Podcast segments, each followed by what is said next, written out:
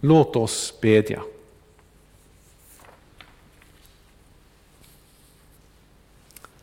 Herre, vi har kommit samman för att höra vad du, Gud Fader, vår skapare, du Herre Jesus, vår frälsare, du helige Ande, vår tröstare i liv och död, vill tala till oss.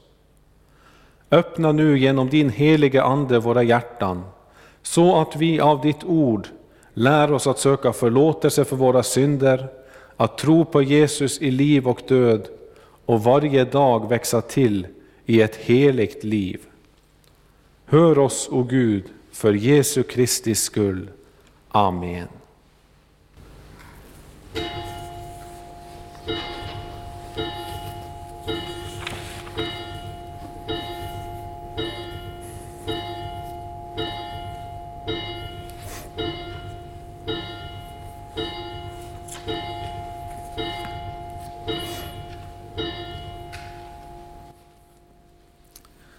Så börjar vi vår gudstjänst med att sjunga på psalm 8.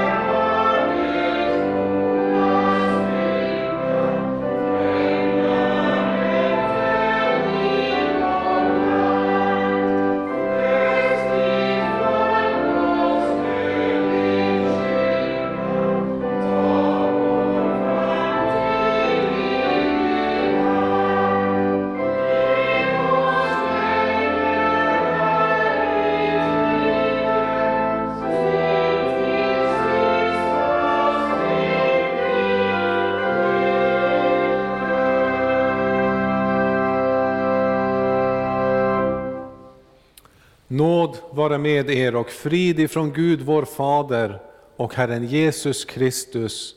Amen. Låt oss bedja. Rena, o Gud, våra hjärtan och samveten, så att din son, när han kommer till oss, må i våra hjärtan finna en beredd boning. Genom samme din son Jesus Kristus, vår Herre.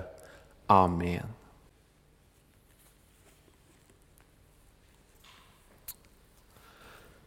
Idag ska vi under skriftetalet läsa ett ord som vi har hört många gånger innan. Men försök att höra på vad som sägs här. Då gick Petrus fram och frågade Jesus, Herre, hur många gånger ska min broder försynda sig mot mig och få min förlåtelse? Upp till sju gånger. Ja, som sagt, den här frågan har vi hört många gånger. Men bara för att vi också har hört Jesus svar så tänker vi så lite om det som Petrus här säger. För det som han faktiskt säger är att hans broder skulle kunna försynda sig mot honom sju gånger och sen komma och be om förlåtelse. Och så skulle Petrus förlåta honom. Ja, sju gånger, det måste väl vara ett bra antal, eller hur? Men som sagt, vore det inte för Jesus svar så hade vi kanske tänkt att det som Petrus sa det här låt bra. För det är inget litet, det som han säger. Men Jesus svarade, jag säger dig inte sju gånger, utan sjuttio gånger sju gånger. Ja, detta är vad Jesus säger att Petrus och Jesu lärjungar ska göra. Hur är det då med vår förlåtelse? Tänk om en av dina grannar eller bekanta, någon som du känner, kommer till dig och säger Du, eh, jag har en sak jag måste berätta för dig. Det har sig så att jag har råkat göra något mot dig. Och så berättar han om hur han har syndat emot dig. Det skulle han inte ha gjort, men nu har han gjort det och han ångrar sig. Och han undrar om du kan förlåta honom. Och det är klart att du förlåter honom, det gör du gärna. Sen går det en kort tid och han kommer åter till dig och han säger att han har något han måste berätta för dig. Och så berättar han att han har gjort samma sak emot dig på nytt. Och han är så ledsen för det och undrar om du kan förlåta honom. Och du tänker, igen? Ja, ja, men jag förlåter dig. Sen kommer han för tredje gången med samma sak och ber om din förlåtelse. Och då börjar du kanske tänka, undrar om han verkligen menar något med sin ursäkt och med sin bön om förlåtelse. Undrar om han driver med mig. Och skulle han komma för sjunde gången med samma sak, så tänker du, nej nu får det räcka. Du kan inte vara ärlig när du håller på på det här viset och kommer åter och åter med samma sak. Ja, så tänker vi så lätt. Men då glömmer vi hur vi själva är gentemot Gud. För den dagen som jag inte får komma med samma sak till Gud i bön om förlåtelse, då är det ute med mig. För jag blir inte bättre, utan jag sliter med samma syndiga kött idag som den dag då jag blev döpt och genom evangeliet fick tro mina synders förlåtelse. Därför räcker det inte för mig om Gud skulle ha tänkt som Petrus. Nej, det vill ha varit en förfärlig kristendom. Jag behöver en frälsare som aldrig slutar att förlåta mig. En som alltid, igen och igen, står redo att ta emot den botfärdige syndaren som kommer för tusende gång. Och det är därför som jag är så glad för att Jesus svarar som han gör. Inte sju gånger, utan 70 gånger sju gånger. Det vill säga alltid. Världens frälsare, Jesus Kristus, han säger i sitt ord att vi ska förlåta vår nästa när de kommer till oss och ber om förlåtelse. Och när han kräver det av oss så är det för att han själv gör precis på samma sätt. För Jesus förlåter alltid när vi kommer till honom och ber om våra synders förlåtelse. Till honom kan du komma för sjunde gången med samma sak. Och du kan bekänna det inför honom och han förlåter dig och bjuder dig att e-, ta emot hans kropp och blod i nattvarden till dina synders förlåtelse. Ja, du kan komma för tionde gången, även om du har vetat att den synd som du gjorde var synd. Och även om du gjorde det fast du visste att du upprepade gånger tidigare har fått förlåtelse för den innan. Kom till Jesus, det finns ingen gräns hos honom. Han tar emot alla som genom att ångra sina synder vill bättra sig och ta emot förlåtelsen. Ja, om du därför har kommit ut ur räkningen på hur ofta du har fallit i samma synd, även, att, även om du tänker att du skulle börja närma dig 70 gånger 7 gånger, så kom. Jesus har redan tagit straffet för dina synder. Det är fullbordat. Han har lidit under den förbannelse som skulle drabba dig. Och han står därför redo att skänka dig sin förlåtelse även idag. Han kallar dig att ångra din synd och tro evangelium om vad han har gjort för dig. Jag kom därför än idag och bekänn än en gång dina synder till honom som inte är så som oss, utan som av hjärtat vill förlåta. Då skall han förlåta dig och bjuda dig att äta och dricka hans kött och blod, till hjälp och tröst när du åter frestas att synda emot honom. Ja, låt oss tillsammans be och bekänna.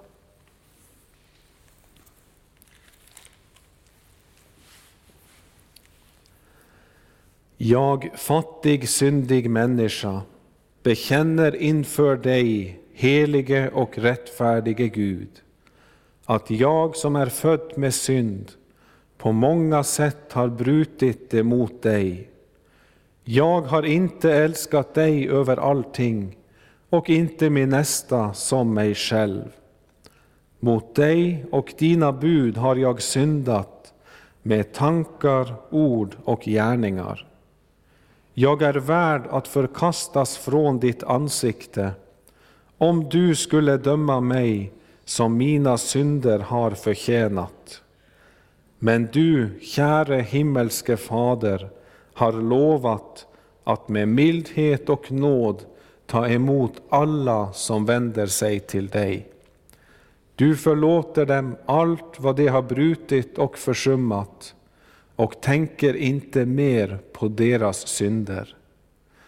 Detta litar jag på när jag nu ber dig om förlåtelse för min frälsares Jesu Kristi skull.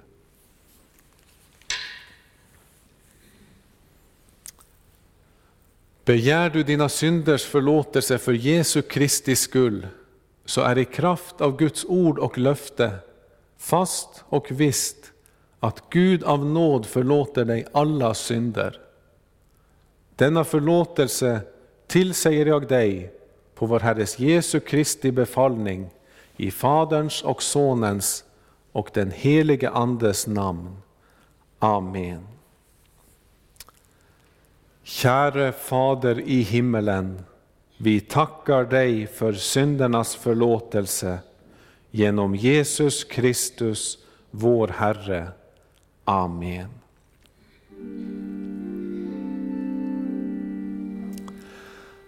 Helige Herre Gud, helige starke Gud, helige barmhärtige frälsare, du evige Gud, förbarma dig över oss.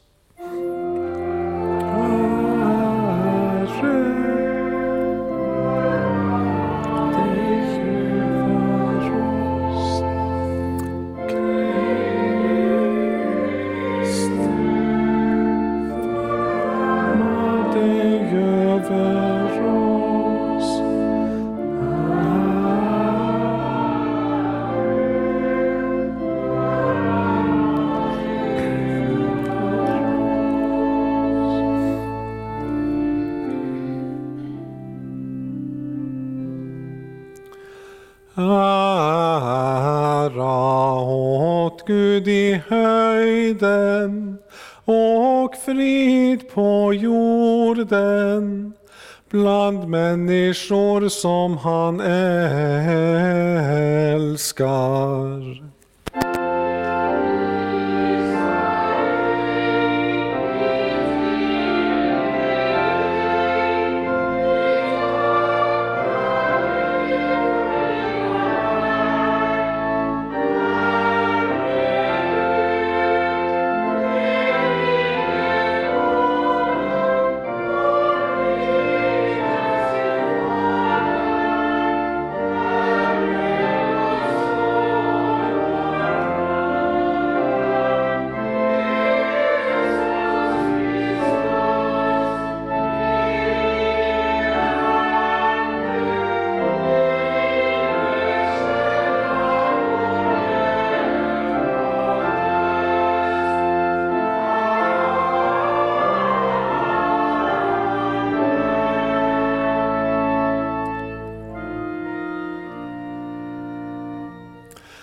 Herren vare med er.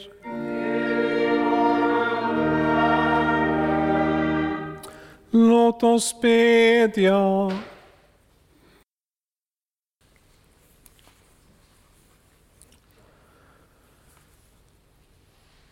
O allsmäktige evige Gud, du som med mildhet ser på vår svaghet. Ge oss kraft att tro på dina löften så att vi kan leva i trygghet under din mäktiga hand. Genom din son Jesus Kristus, vår Herre. Amen. Hör Herrens ord på tredje söndagen efter trettonde dagen. Dagens läsningar är från första årgången och den gammaltestamentliga läsningen är hämtad ur första kungabok kapitel 8 från vers 41 till 43. Salomo sade vid tempelinvigningen, också om en främling, en som inte är av ditt folk Israel, kommer från fjärran land för ditt namns skull, Ty man ska också där höra talas om ditt stora namn och din starka hand och din uträckta arm. Om någon sådan kommer och ber, vänd mot detta hus, må du då i himmelen där du bor höra det och göra allt vad främlingen ropar till dig om, för att alla jordens folk må känna ditt namn och frukta dig, liksom ditt folk Israel gör, och veta att detta hus som jag har byggt är uppkallad efter ditt namn. Hör också Herrens ord ifrån dagens epistel, hämtad ifrån Romarbrevets första kapitel, verserna 16 17. Jag skäms inte för evangeliet, ty det är en Guds kraft som räddar var och en som tror, juden främst, men också greken. I evangeliet uppenbaras nämligen en rättfärdighet från Gud genom tro till tro. Som det står skrivet, den rättfärdige ska leva genom tron. Så lyder Herrens ord. Gud, vi tackar dig. Så sjunger vi psalm 40.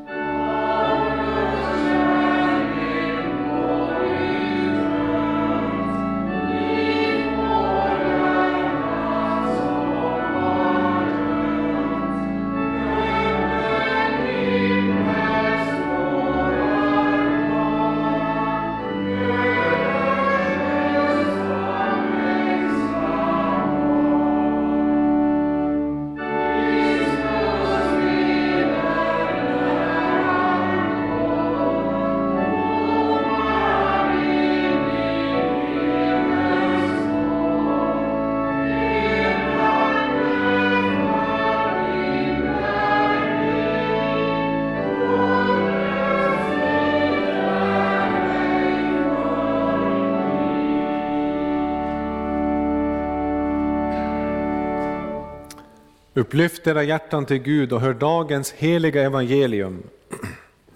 Så skriver evangelisten Matteus i det åttonde kapitel, verserna 5 till 13.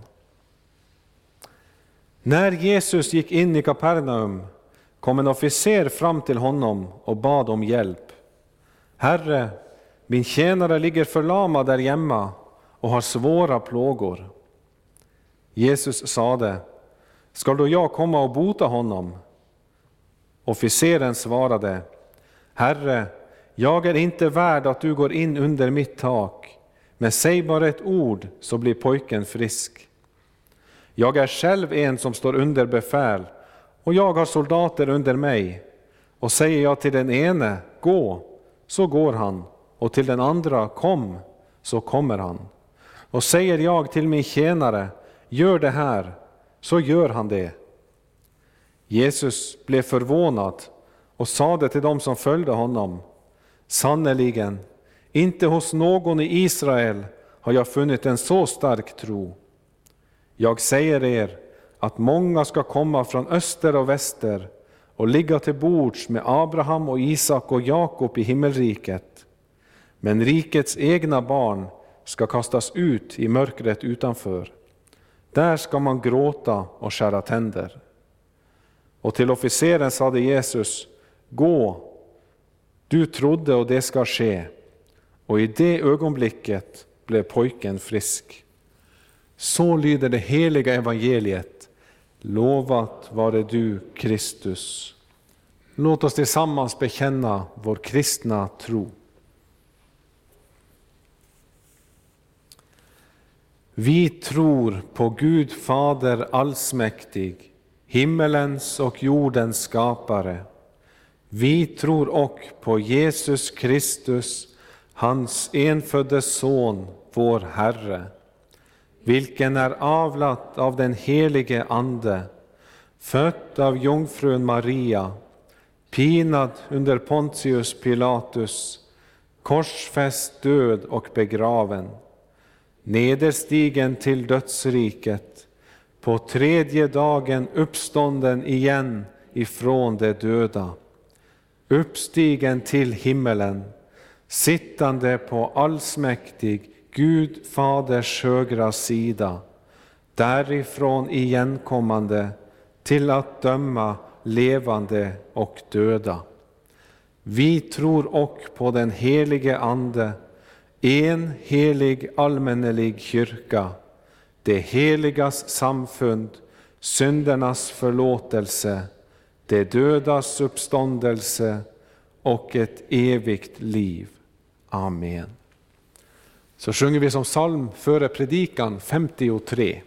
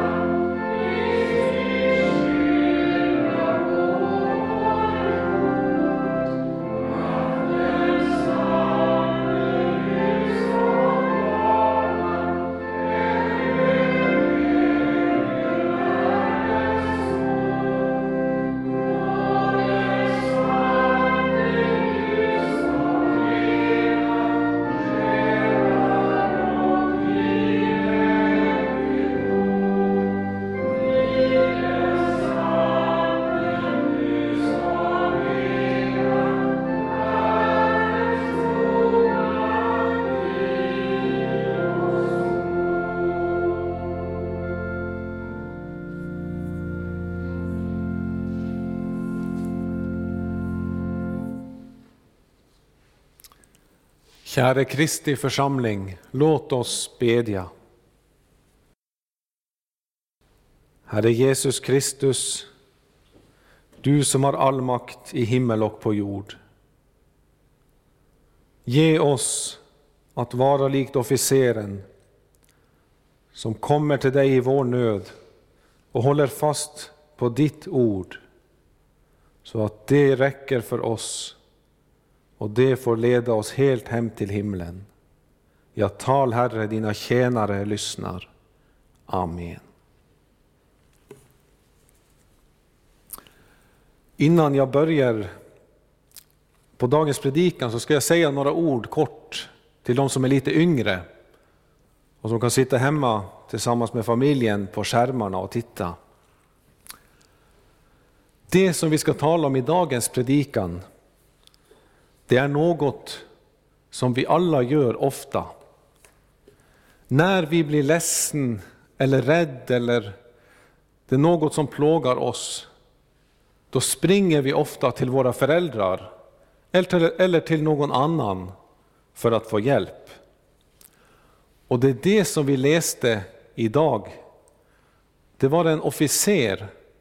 Han sprang till Jesus för att få hjälp. Han hade ingen annan som han trodde kunde hjälpa. Och Jesus säger att han hade den största tron som han någon gång har sett i Israel. Och det som gör hans tro stor är att han, han behövde inte se att Jesus gav honom det som han bad om. Utan han trodde att Jesus kom att göra det. Och så ska vi också ha det när vi kommer till Jesus och ber om hjälp för någonting. Då, ska vi, då behöver vi inte se att han kommer och hjälper oss, utan vi får tro det. Så som vi tror att våra föräldrar hjälper oss om vi inte har mat eller dryck. Eller om vi behöver nya kläder eller vad det måtte vara. På samma sätt får vi lita på att Jesus ger oss allt det som vi behöver och som vi ber honom om i hans namn. Och även om inte vi har lika stor tro som, som eh, officeren, så är det inte det som är det avgörande. Utan det som är så stort är att Jesus kan ge oss allt som vi behöver och att han vill ge oss allt det. Och det är det som jag ska tala om nu i dagens predikan med lite flera och lite svårare ord. Dagens evangelium utspelar sig efter att Jesus har hållit sin bergspredikan. Och på väg ner från berget så möter han först en spetälsk som han botar. Och efter denna händelse står det i vår, vår evangelieläsning att då han var på väg in i Kapernaum så mötte han ett sändebud från en hednisk officer som bestod av några, några av judarnas äldste. Och det ser vi när vi jämför med parallelltexten i Lukas i det sjunde kapitlet. Officeren har en sjuk tjänare som ligger hemma och när han i sin nöd skickar bud till Jesus så visar han en tro som Jesus inte har sett under hela sin vandring i Israel. Och det är denna händelse som vi i dagens predikan ska höra om. För det första om att komma till Jesus med sin nöd. Officeren hade säkert sökt all den hjälp han kunde hitta för sin tjänare. Men varken läkare inte ens de äldste bland judarna kunde hjälpa honom. Nu fanns det en enda möjlighet kvar och det var Jesus Kristus. Han som Johannes döparen hade förkunnat om, som hade åkt runt i städerna i Israel och hade förkunnat Guds ord. Han hade hjälpt människor med alla slags sjukdomar och lidanden. Och rykte om hans verksamhet spridde sig, spridde sig snabbt. Om nu inte Jesus kunde hjälpa så var det hopplöst. Men problemet för officeren det var bara att han inte ansåg sig värd. Och han var hedning och därmed oren. Och det hade han säkert märkt tydligt tillsammans med de äldste bland judarna. Till exempel att de inte hade måltidsgemenskap med honom och på annat sätt höll en tydlig skiljelinje mellan judar och hedningar. Och det gjorde de även om officeren älskade Israels folk och hade byggt deras synagoga. Men inget av detta hindrade officeren från att kalla, åkalla Jesus. Ja, frågan är ju, vem av oss kan någonsin bli värdiga att få hjälp av Jesus? Vi kommer ju just för att vi inte är värdiga, att vi inte är rena. Hade vi varit det så hade vi inte behövt Jesu hjälp. För all sjukdom, synd och död är ju sist och slutligen en frukt av syndafallet. Och Jesus har heller inte kommit för att hjälpa rättfärdiga, utan syndare. Ja, de som tror sig vara värdiga i sig själv, de blir inte accepterade av honom. När Jesus säger om sådana att publikaner och horor ska gå in i Guds rike, men inte ni. För det finns en skillnad i att komma till Jesus som har existerat i alla tider. Många kommer till Jesus utan att inse att de är orena. Och de kommer utan att buga sig, varken med kropp eller med hjärta.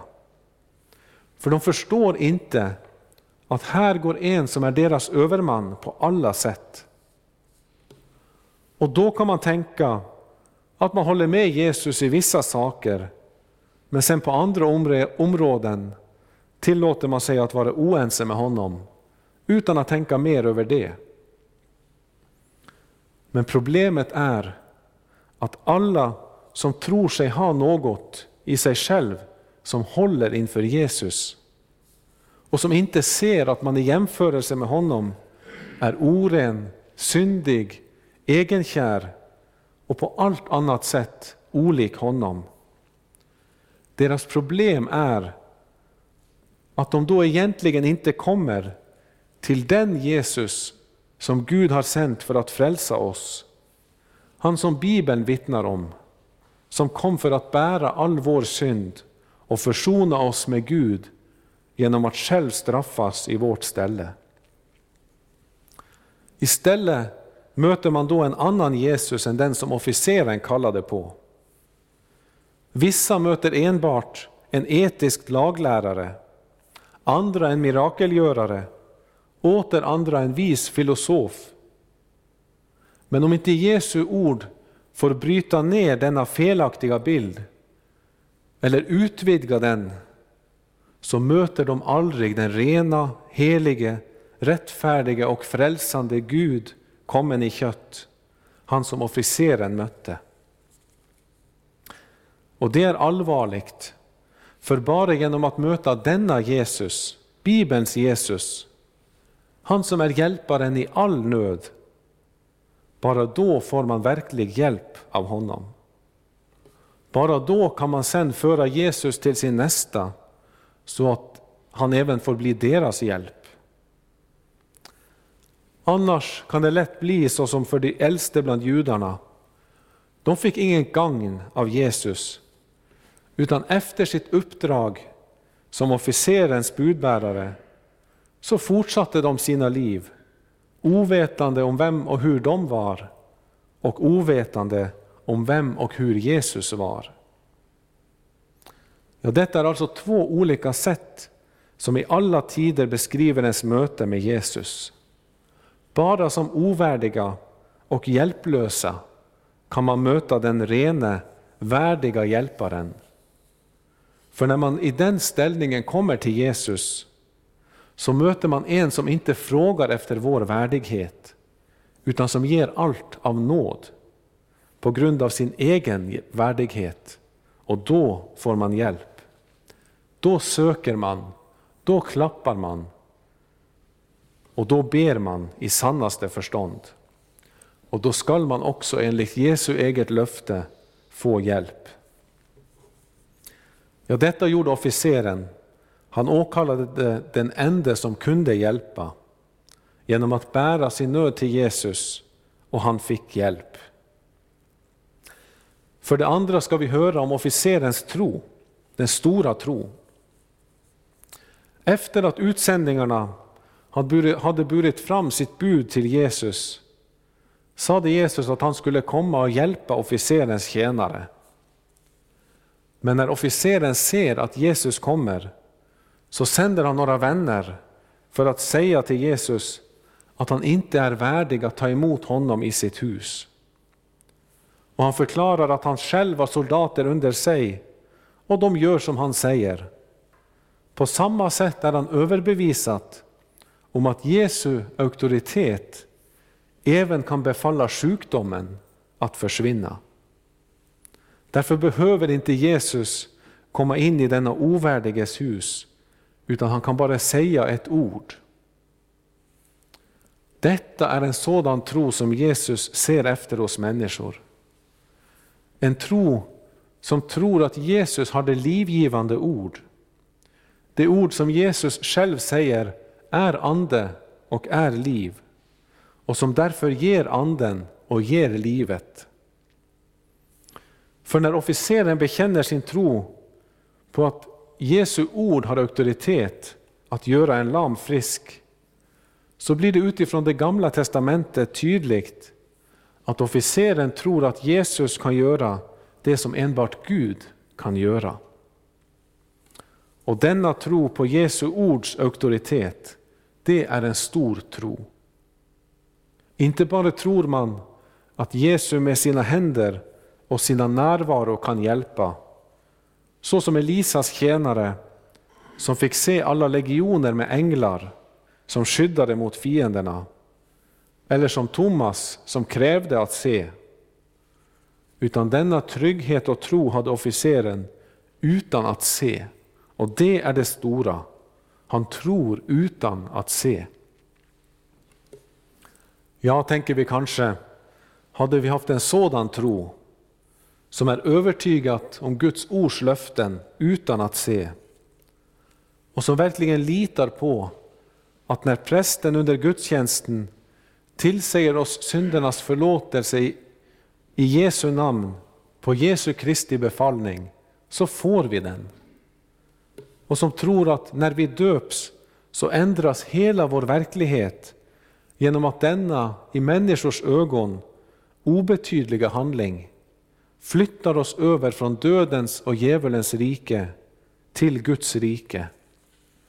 Ja, hade vi haft en sådan tro skulle vi väl inte ha klagat. Men detta är tro. Bibeln säger att tron är en övertygelse om det man hoppas, en visshet om det man inte ser. Tron är övertygat om att även om vi märker syndens dagliga plåga i oss, så är den borttagen och sonat av Jesus Kristus. Tron är övertygad om detta och lever sitt liv med detta som verklighet. Tron är viss om att vi står rättfärdiga i Guds ögon på grund av vad Jesus har gjort och att Jesus kommer fortsätta att leda och hjälpa oss helt fram till det eviga livet. För tron ser inte fram emot kistan på kyrkogården utan den ser löftet om att idag följa med Jesus i paradis. Ja, vilken glädje den har som med hjärta kan säga att han tror Bibelns löften. Han behöver inte frukta i dödsskuggans dal, utan han vet, likt David, att Herrens käpp och stav, det tröstar honom. Han behöver inte ens frukta om han skulle se dödsdomen framför sig, utan han kan jubla med Stefanos och med trons ögon se Sonen och Fadern i sin härlighet. Ja, han behöver inte heller se Jesus lägga händerna på hans tjänare, utan han får nöjas med Jesu ord om hjälp. Men i jämförelse med officeren så kanske du måste bekänna med mig att med min tro är det smått ställd. Den är inget att visa fram. utan även i trygghet så dyker bekymren upp. Och även om jag ber och ber så känner jag nöden trycka på. Att jag vet att min frälsare lever. Jag vet att Gud uppehåller och verkar allt som sker här på jorden genom sitt ord. Men ändå ligger bekymret kvar. Lika tungt som dagen innan. Och lik Thomas så vill även jag se hur Jesus hjälper. Och jag måste ofta likt Fadern ropa, jag tror Herre, hjälp min otro. Om du har det så att din tro verkar vara liten, så kan jag bara säga dig att det är inte smått ställt med den som har Jesus. Du som är döpt och hörsammar Guds ord, alltså som lever med den realitet som ordet beskriver och som därför vill leva i enlighet med ordet och flyr till det i din nöd. Ja, du som vet att även om du inte skulle se en enda frukt av ditt liv som kristen, så kan du aldrig ge släpp på Jesus och hans försoningsverk. Du som är fullt överbevisad om dina synder, din ovärdighet och din orenhet, och som vet att det i din hjälplöshet bara finns en räddning, och som likt officeren inte vågar låta din orenhet hindra dig från att fly till din frälsare. Du som har det så, jag vill säga dig en sak om tron. Den behöver inte vara lika stor som officerens tro. För Jesus har inte ställt krav på trons storlek.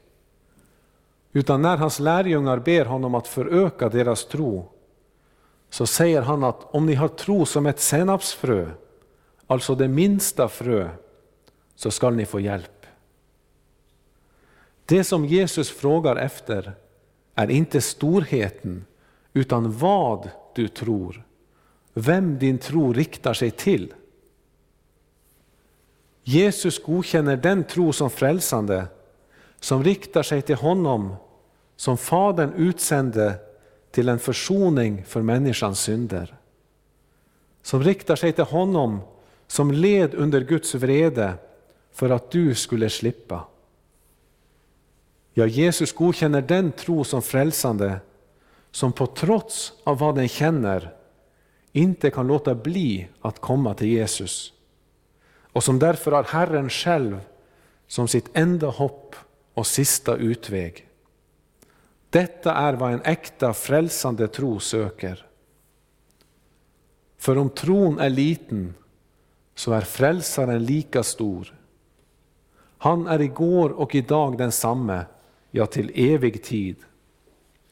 Och hans förmåga att frälsa dig förändras inte av din tros storhet. Nej, det är frälsaren som frälser, inte din tro. Därför heter det att vi frälsas av nåd, genom tro, inte av tro.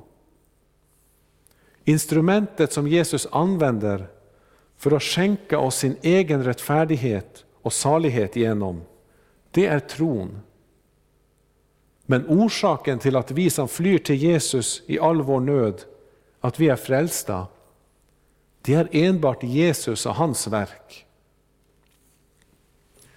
Därför ska vi inte försöka att mäta vår tro och granska vårt eget hjärta för att se om vi hittar något gott där.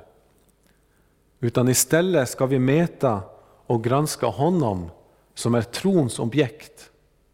Han som vår tro riktar sig till. Då kommer också vår tro att stärkas. De gamla haugianerna i Norge brukade säga att tro är att komma till Jesus med sin synd. Detta är trons väsen. Den håller sig till Jesus just därför att den behöver det som Jesus vill ge, nämligen syndernas förlåtelse. Så länge vi därför kommer till Jesus med vår synd, så får vi på grund av hans strafflidande död för att betala världens syndaskull tro att vi är frälsta. Ja, vi kan även säga att den tro är stor som likt officeren inte ser på sig själv utan på Jesus. Men även om Jesus prisar officerens stora tro så är inte det huvudsaken i dagens evangelium. Det stora är att Jesus faktiskt har en sådan auktoritet som officeren trodde. Jesus har en auktoritet över djävulen, döden, domen och helvetet. Det är det stora. Att Jesus med sitt ord faktiskt kan sätta den människa fri som är bunden i synd och sjukdom, lidande och ondska. Och det som är även större, Jesus vill sätta människor fri. Han vill sätta dig fri som lyssnar idag.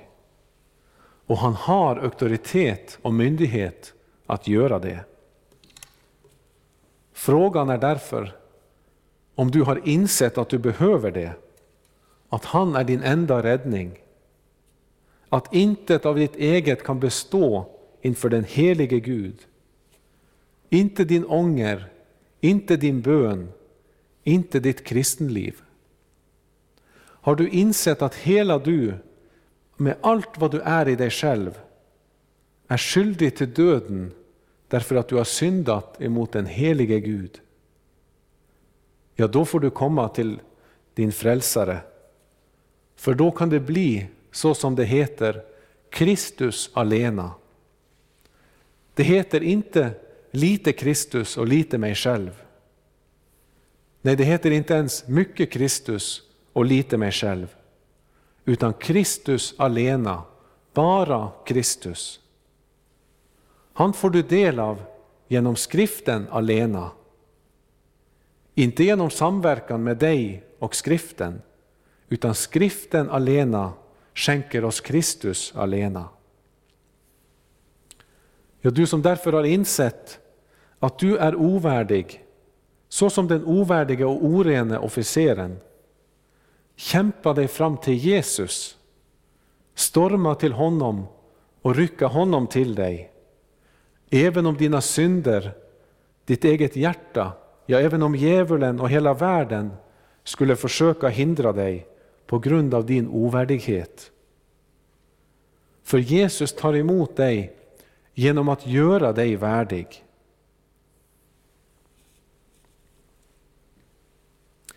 Jesus frälser det som var förtappat. Han äter med syndare och publikaner. Låt oss alltid fly till honom i all vår nöd. Så ska Jesus säga till oss som han gjorde till officeren, gå så som du tror så må det ske dig.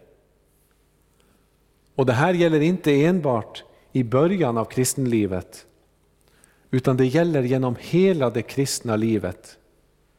Man slutar aldrig att fly till Jesus. För Jesus är den sanna vinstocken, det troende är enbart grenar. Därför säger Jesus i Johannes 15, förbli i mig, så förblir jag i er. Like som grenen inte kan bära frukt av sig själv, utan endast om den förblir i vinstocken, så kan inte heller ni det om ni inte förblir i mig.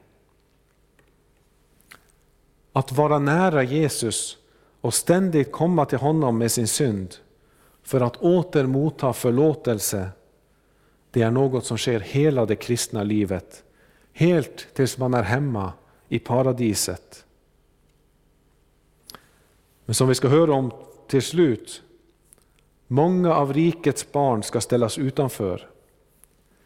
Jesus säger att många ska komma från öster och väster och ligga till bords med Abraham och Isak och Jakob i himmelriket. Men rikets barn ska kastas ut i mörkret utanför. Där ska man gråta och skära tänder. Ja, de som varken behöver någon frälsare eller förlåtelse, de kommer att stå ansvariga för sig själva.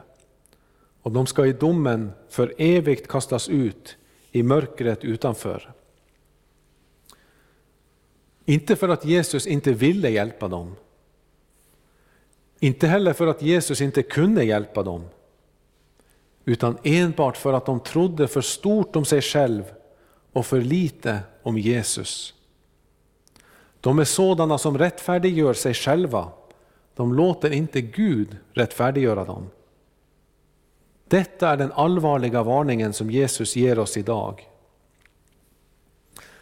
Och vår kyrkas bekännelse säger bland annat att värdig och väl förberett för nattvarden är var och en som där, på Jesu ord, söker förlåtelse för sina synder genom att äta hans kropp och blod.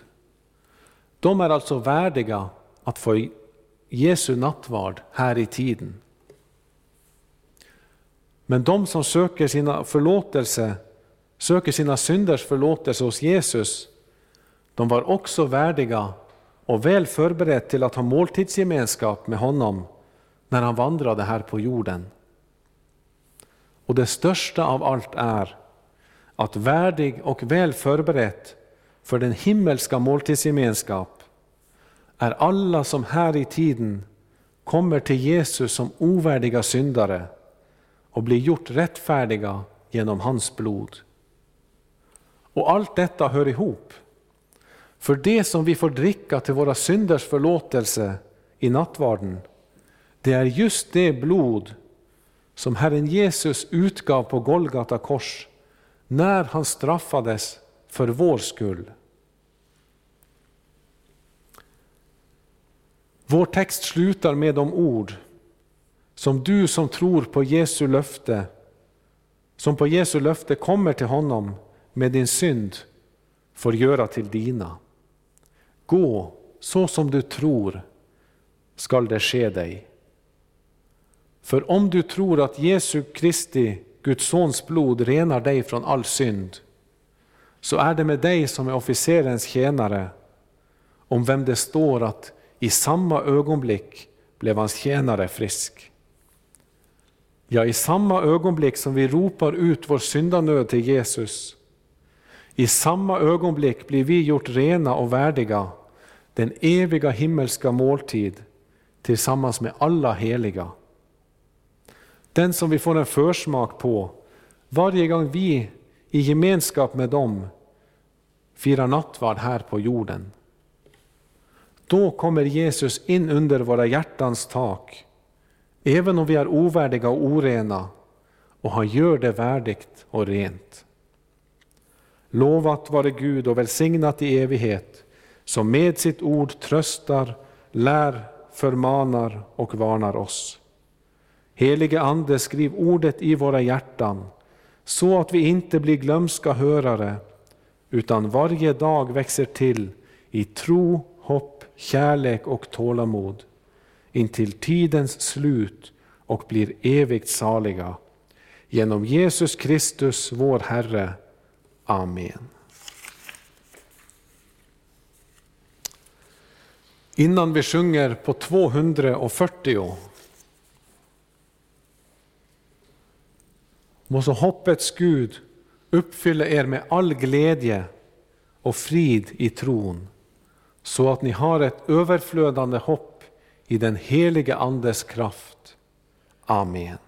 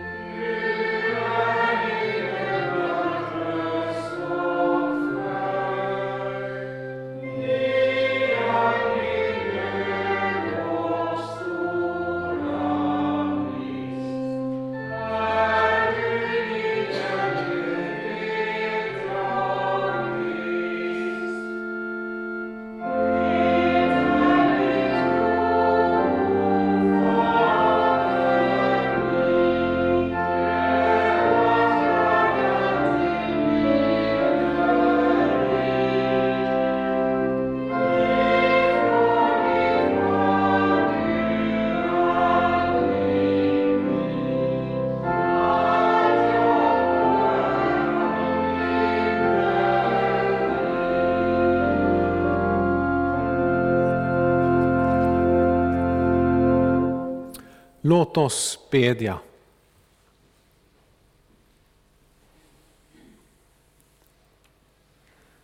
Herre vår Gud, vi ber dig, styrk och led din kyrka och samla ditt folk kring ordet och sakramenten. Låt ditt evangelium nå ut i hela världen och väcka levande tro. Ge dina vittnen kraft när de får lida för din skull. Skydda vårt land och ge vishet åt dem som har fått förtroende och ansvar i vårt samhälle, så att de fattar rätta och visa beslut. Välsigna vårt arbete, ge världen fred och låt det onda hindras och din vilja ske. Ge oss dagligt bröd och stärk vår vilja att dela med oss åt dem som lider nöd. Låt våra hem präglas av sammanhållning, trygghet och kristen tro. Och gör vår församling till ett hem dit människor kommer för att höra ditt heliga ord, bedja om din hjälp och tacka för din godhet och kärlek. Kom Herre till de sjuka, sörjande, ensamma och utsatta. Särskilt ber vi dem som ofrivilligt har blivit ensamma under denna coronatid. Och vi ber för alla som skulle ha lust att komma till våra gudstjänst tillsammans med oss, men som på grund av restriktionerna inte får möjlighet till det. Och vi ber för alla utsatta barn i moderlivet, att du vill vara deras beskydd. Sänd oss till dem som behöver vår omtanke och vårt stöd. Följ oss hela livet med din nåd. Gör oss fasta i tron och låt oss till sist få komma hem till din eviga glädje. Genom Jesus Kristus, din Son, vår Herre. Amen.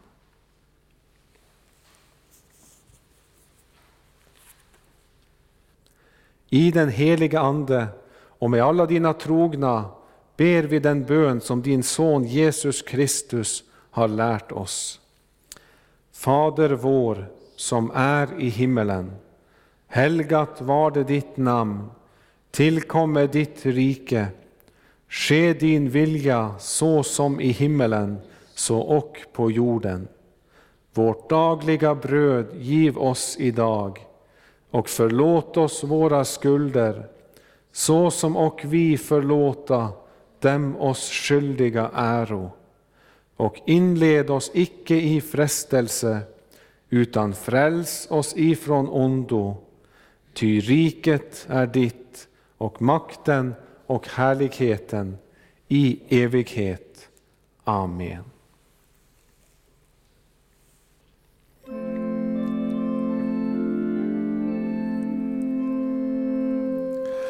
Låt oss tacka och lova Herren.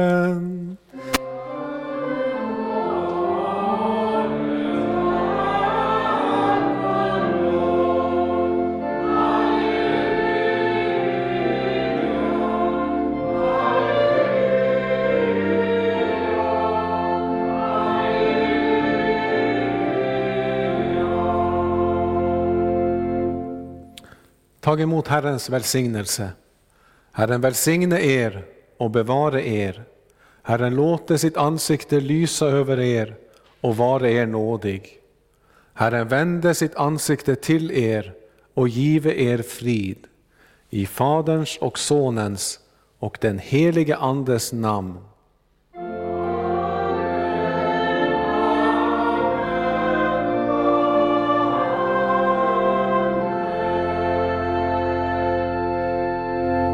Så sjunger vi till sist på 321.